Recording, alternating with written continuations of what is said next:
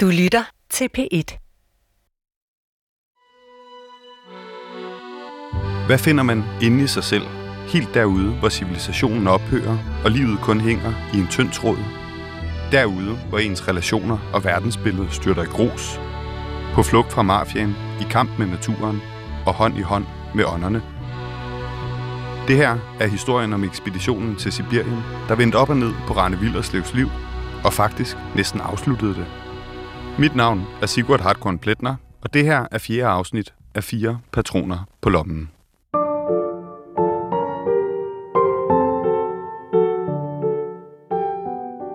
Rane og Ivan er i problemer.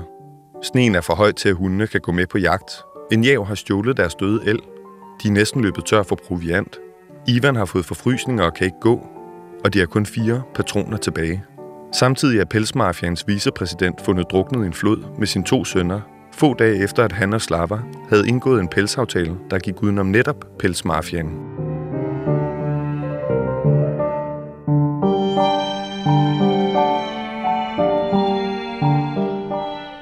Vi står jo uden kød, og Ivan han ligger jo der på briksen med sin fod, ikke? og kan ikke gå nogen steder. Altså det, der sker, når man sulter, det er jo, at de første dage, der får man faktisk en fornyet energi. Der får man sådan en adrenalinkick af en eller anden art, ikke? Altså, hvor at kroppen ligesom er sulten, og den skal have noget mad, og du skal finde den. Ikke?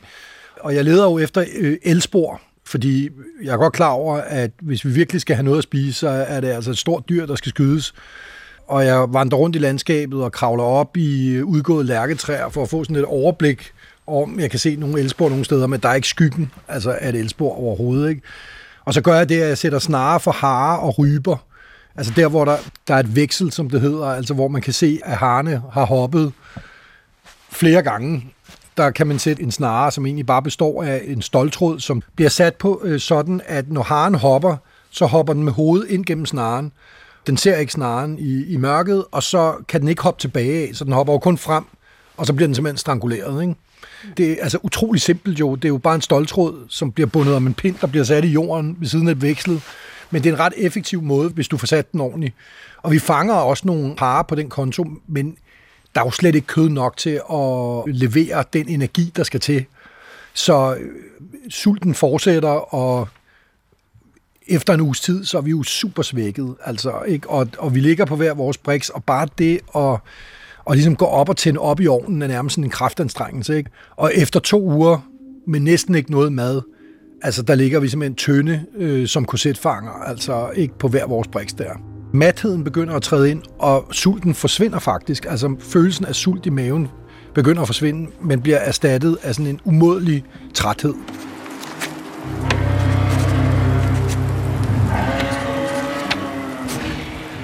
Det er virkelig slemt med sulten. Vi er trætte. Ingen energi. Ivans fod er dårlig. Ingen står op om morgenen og tænder op. For trætte til at hugge brænde. Jeg spurgte Ivan, om ikke vi skulle forsøge at nå til Nellem Nøje til fods. Men det er håbløst. Vi er ikke kræfter, og så er der floderne. Vi falder igennem og drukner, og politiet vil få fat i mig og slå mig ihjel. Altså midt i alt det her, der øh, flækker min kindtand. Den er allerede begyndt at flække inden.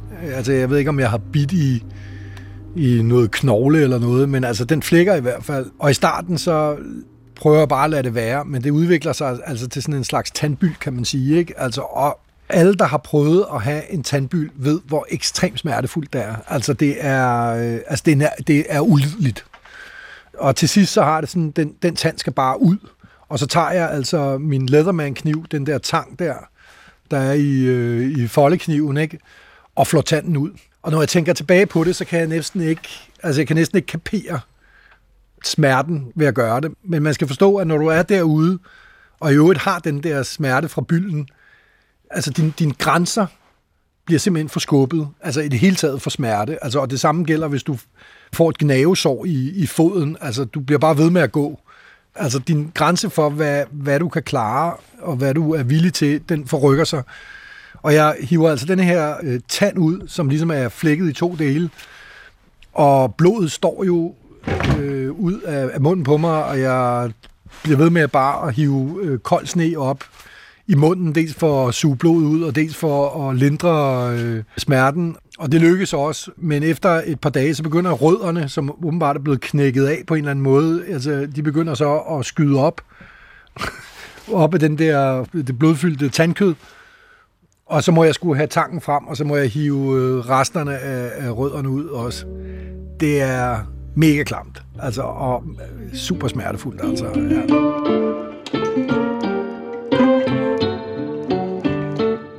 Slava befinder sig stadig i Jakutsk, da han får melding om, at vicepræsidenten er blevet fundet druknet med sine to sønner.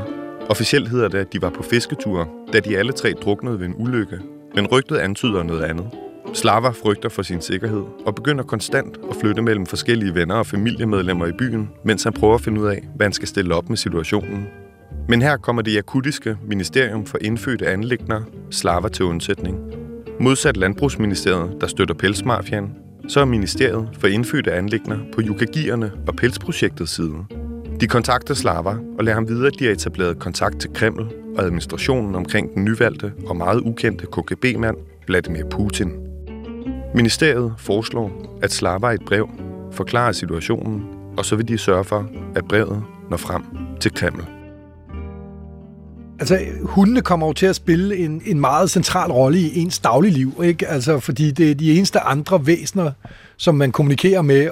Så altså, man kan sige, forholdet til hundene er jo sådan et underligt dobbeltforhold. Altså på den ene side er det, det er en forlængelse af dig, og på den anden side bliver det betragtet som et beskidt dyr. Men, men de hunde, som er dygtige, de er, bliver jo afgørende for ens succes, og de bliver jo altså også behandlet grundlæggende set rigtig godt, ikke?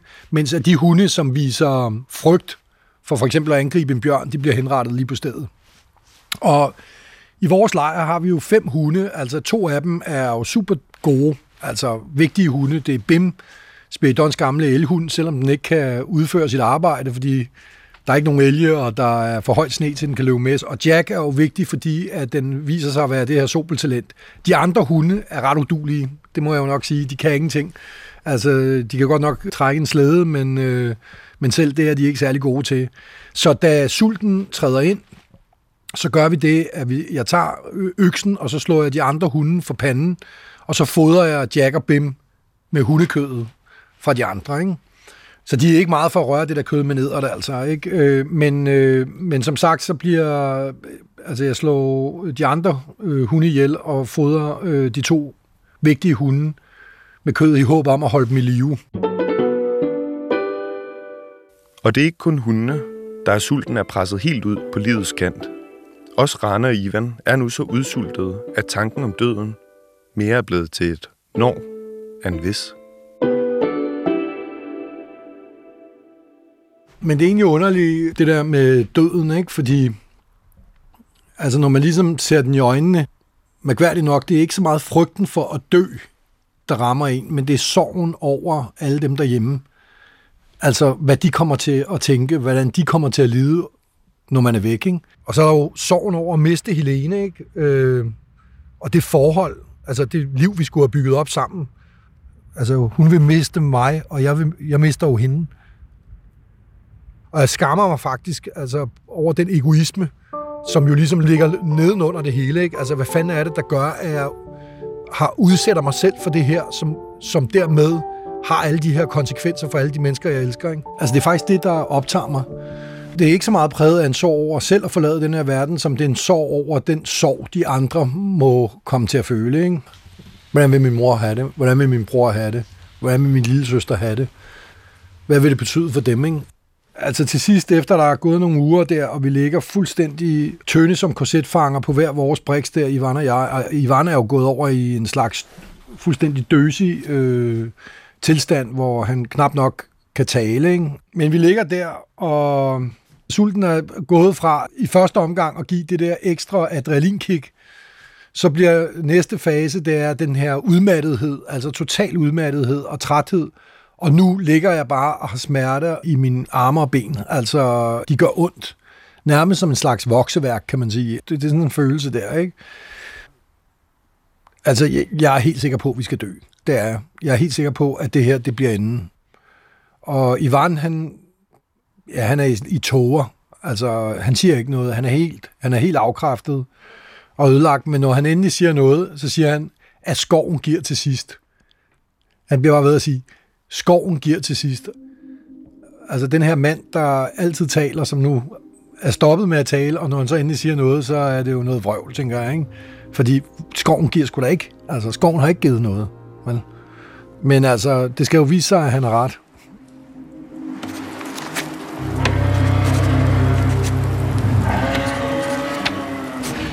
Vi er helt tynde. Hvis ikke vi får mad, dør vi i løbet af et par uger. Og når jeg spørger Ivan, siger han, skoven giver altid til sidst. Bullshit. Ikke et spor efter el. Og selv ligger han bare med hule kinder beskidt på briksen. Han er mere svækket end mig. Det bliver nok inden. Jeg har jo også haft en anden nærdødsoplevelse i Afrika mange år senere, hvor uh, vi, jeg er ude at jage med IK. Det er lille jægerfolk i Østafrika ved grænsen mellem Uganda, øh, Sydsudan og, og Kenya, bor de oppe i bjergene der. Ikke? Og det er et ekstremt ustabilt område, altså meget farligt område at bevæge sig i, og jeg ved også, at der er en fare for, at vi støder ind i Tukana kvætyve, som, altså hvis vi gør det, vil slå os ihjel, og de har kalasnikovs, og vi har buerpil og spyd, ikke?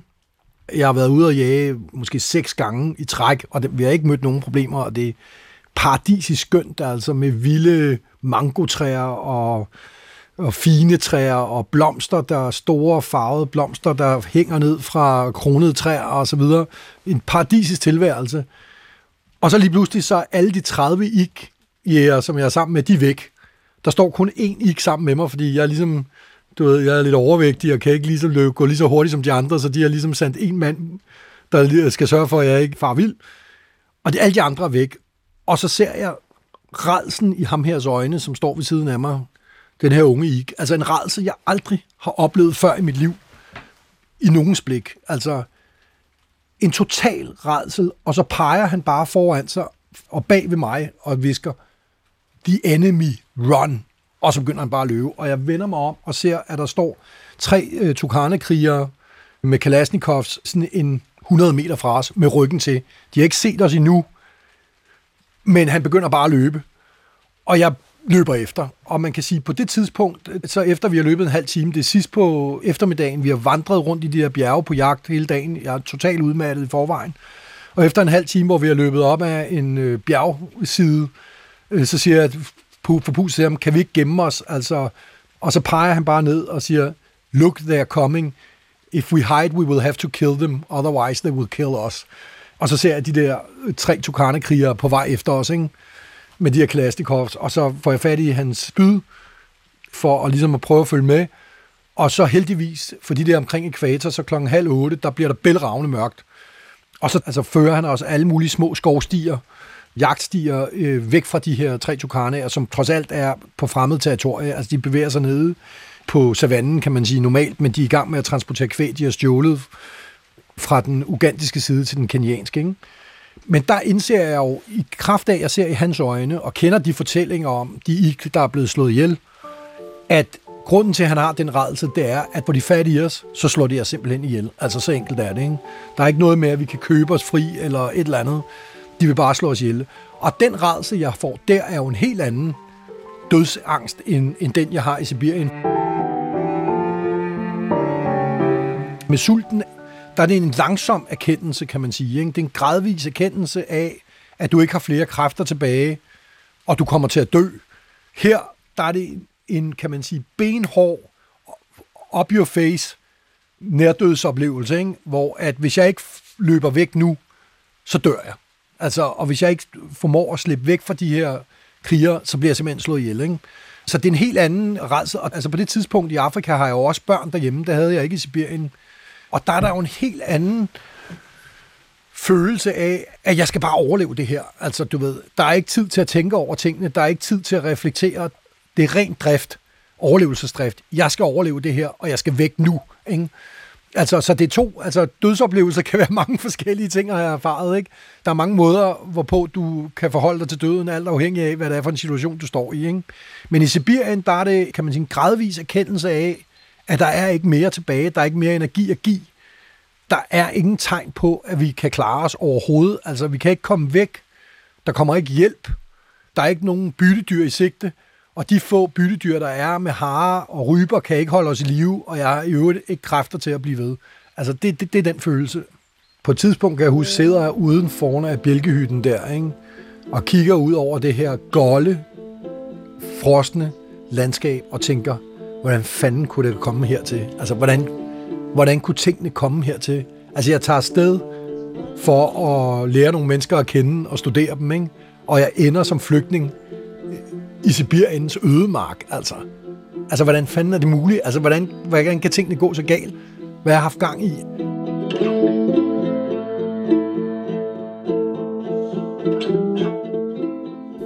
Det kan mildest talt virke håbefuldt, at slaver, lederen af et lille jægerfolk på få hundrede mennesker, skulle få Putin-administrationen i Kremls hjælp i en uenighed om, hvem der får lov til at sælge en håndfuld sobelskin i en autonom republik ved Polarcirklen. Men det er med den her historie, som det er med livet generelt, man er nødt til at se tingene i en kontekst, hvor en stor del af Jeltsins politiske projekt havde været at decentralisere magten og give selvstændighed til de forskellige republikker, så ville Putin det stik modsatte. Han vil have magten og økonomien tilbage til Kreml. Og her spillede Jakutien en central rolle, da det er stedet i verden med flest diamanter, næst efter Sydafrika. Så selvom Rana og Slavas pelsprojekt, såvel som yukagierne, givetvis har været fuldstændig ligegyldigt for Putin-administrationen, så kunne de følgende begivenheder tyde på, at pelsprojektet blev et værktøj til at markere Putins nye politiske linje i Rusland. Altså på det tidspunkt har livet jo været super lavpraktisk. Altså Ivan og jeg hugger brænde, vi sætter fælder, vi jager, vi øh, spiser, vi flår sobler.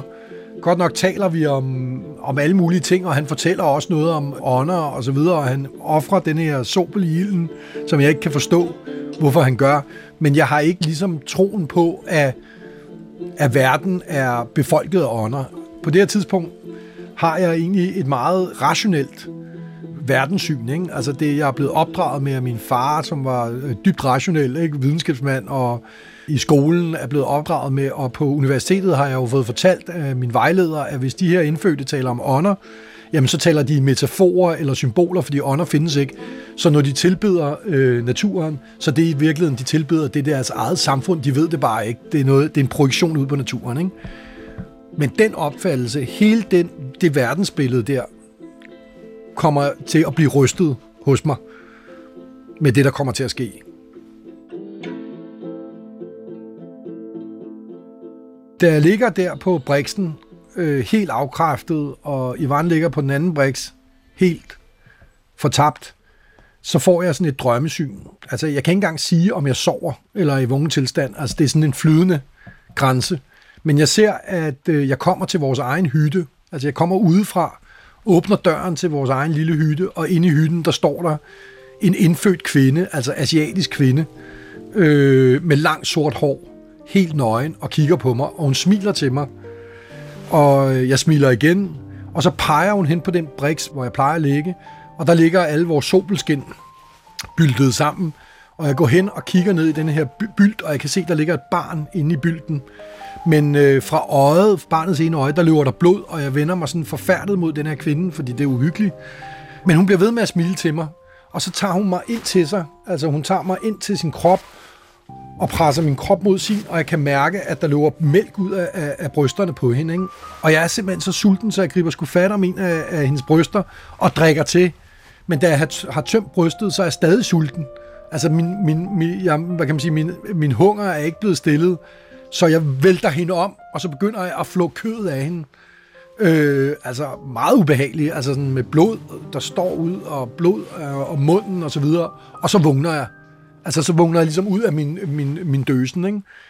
Og øh, det føles meget virkelig. Altså jeg er ikke et særligt sådan, spirituelt menneske. Altså jeg, jeg ser ikke spøgelser, jeg har det er ikke sådan, at jeg er særlig spirituelt anlagt på nogen måder, så, så den her oplevelse, den virker ekstremt stærk på mig.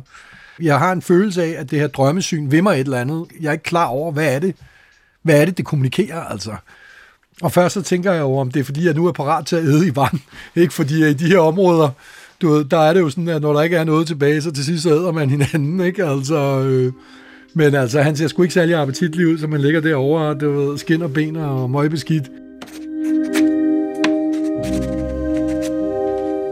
Mærkeligt, at jeg ikke frygter døden. Kun sorgen over dem derhjemme, som kommer til at savne mig. De finder måske ikke engang vores lig. Men jeg er ikke bange for døden. Den er her. Jeg mærker det. Man ved, når man skal dø. Jeg skriver brev til Eske. Hvis de finder mit lig, så skal han vide, hvad jeg tænkte i den sidste stund.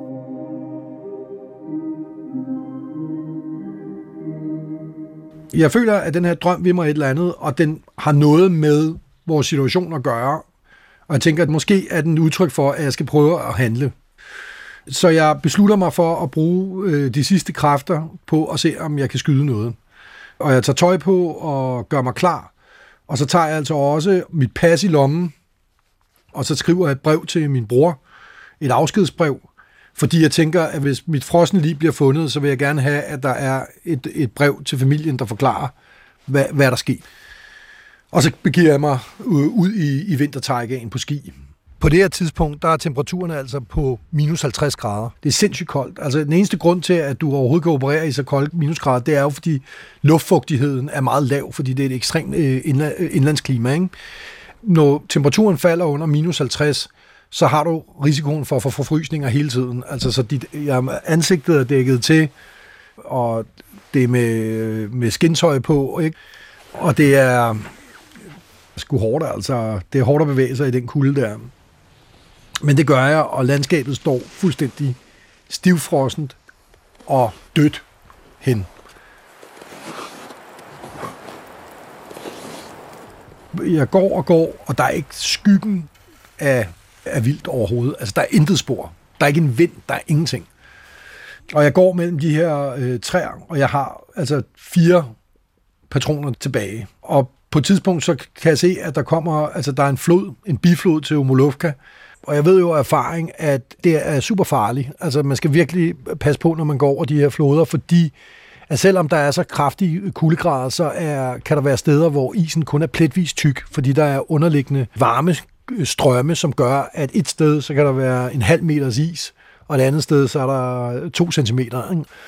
Der er rigtig mange, der dør ved at falde igennem isen. Det er en af de mest øh, hyppige dødsårsager i de her områder. Så det, jeg gør, det er jo, at jeg hugger en pæl, kan man sige, en stav, og så går jeg hen over isen på skiene, fordi det fordeler faktisk vægten. Altså, og så slår jeg med pælen foran mig for at se, om den går igennem. Og det går meget godt, indtil jeg er sådan lidt over halvvejs øh, over floden. Så kan jeg lige pludselig mærke, at isen begynder at ravne under mig. Ikke? Altså jeg vil sige, jeg tænker ikke engang, altså fordi det er der ikke tid til. Jeg tager bare en af de her fire patroner, altså som jo er altafgørende for vores overlevelse, tager den op af lommen og kaster den ned i en af, af sprækkerne, og så siger jeg, ligesom gamle Argolina har lært mig, det der er jeres. Altså fordi øh, Argolina har jo fortalt mig, at når du kommer i problemer, så husk at give gaver. Altså giv skoven gaver, ikke? Og jeg tænker, så er det nu altså. Og i det øjeblik, at patronen forsvinder ned i ravnen, så er det som om, at der er en usynlig hånd, der holder sammen på isen. Det er ret vildt. Altså det, det er som om, at den knagende lyd og sprækkerne stopper. De fastfryses i øjeblikket, ikke? Og så løber jeg alt, hvad jeg kan. Altså, hen over isen, ikke? og ind på den anden bred. Mens Rane med sin aller sidste kræfter kæmper sig videre ud i intetheden, modtager Slava tilbage i Jakutsk et opkald. Det er fra ingen ringere end den magtfulde oligark og præsident for Jakutien, Nikolajev. Han er rasende og vil have både Slava og Pelsmafians præsident til at troppe op på regeringskontoret med det samme. Måske han har modtaget et brev fra Kreml. Og der er stadig intet at se. Og på et tidspunkt så stopper jeg op og tænder bål, og altså i rygsækken har jeg krus og, og tallerken, og jeg, og jeg tager og koger noget øh, sne til, til vand, til varmt vand, altså bare for at give en følelse af, at jeg får noget ind. Og så kører jeg faktisk hånden ned igennem sneen, og opdager, at der ligger røde bær i min hånd. Jeg tror, det er tyttebær, og de har ligget under sneen, altså, og du drømmer ikke om, hvor vidunderligt det er at få de her frosne bær på tungen, ikke? Fordi bare det at få noget ind i munden, altså noget ind i kroppen, er jo en fuldstændig øh, velsignelse, altså fordi det giver mig et boost til at gå lidt videre. Altså jeg er jo totalt udmattet, ikke? Og så går jeg, og så sker der noget, altså. lige pludselig, ud af det blå, i den her fuldstændig frosne, stivnede ødemark, hvor der ikke er en lyd andet end min egen ski, der hører jeg lige pludselig en lyd. Og det er sådan en grundelyd. Sådan. Og jeg kan se, altså, af en, sådan en 100 meter fra mig, måske lidt mere end det, der kan jeg, der kan jeg se en stor skygge, der står bag nogle pilekviste. Og jeg tænker, det er Chatunbjørn. Så først så begynder jeg at bakke tilbage af, altså fordi jeg tænker, øj mand, den her bjørn, ikke? Altså, men der går ikke lang tid, så tænker jeg, uanset hvad det er, så skal det dø, fordi hvis jeg ikke får skudt det her, så dør vi, ikke?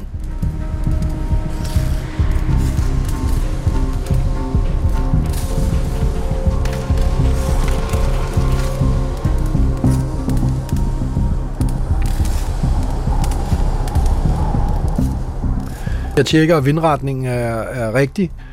Det kan man gøre ved lige at tage noget sne op, den, kaste op i luften, og så se, hvad vej vinden blæser. Men vindretningen er, er rigtig. Altså, det vil sige, at øh, altså, vinden går imod mig, så den kan ikke forfærde, altså, den har ikke let ved at forfærde den af mig. Ikke?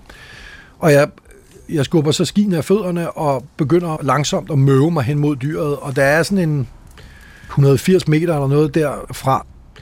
Så fyrer jeg, uden at vide, hvad jeg skyder på, de sidste tre patroner af.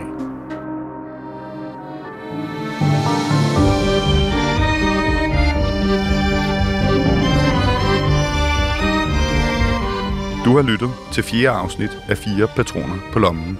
Serien er produceret for DR af People's Press med Tine Smedgaard Andersen og Jakob Malling Lambert i redaktionen. Musikken er komponeret af Daniel Vornstrup. Rannes dagbog er indtalt af Søren Melville. Redaktør fra DR har været Hanne Barslund. Og hele serien er tilrettelagt, optaget og klippet af mig, og jeg hedder Sigurd Hartkorn Pletner.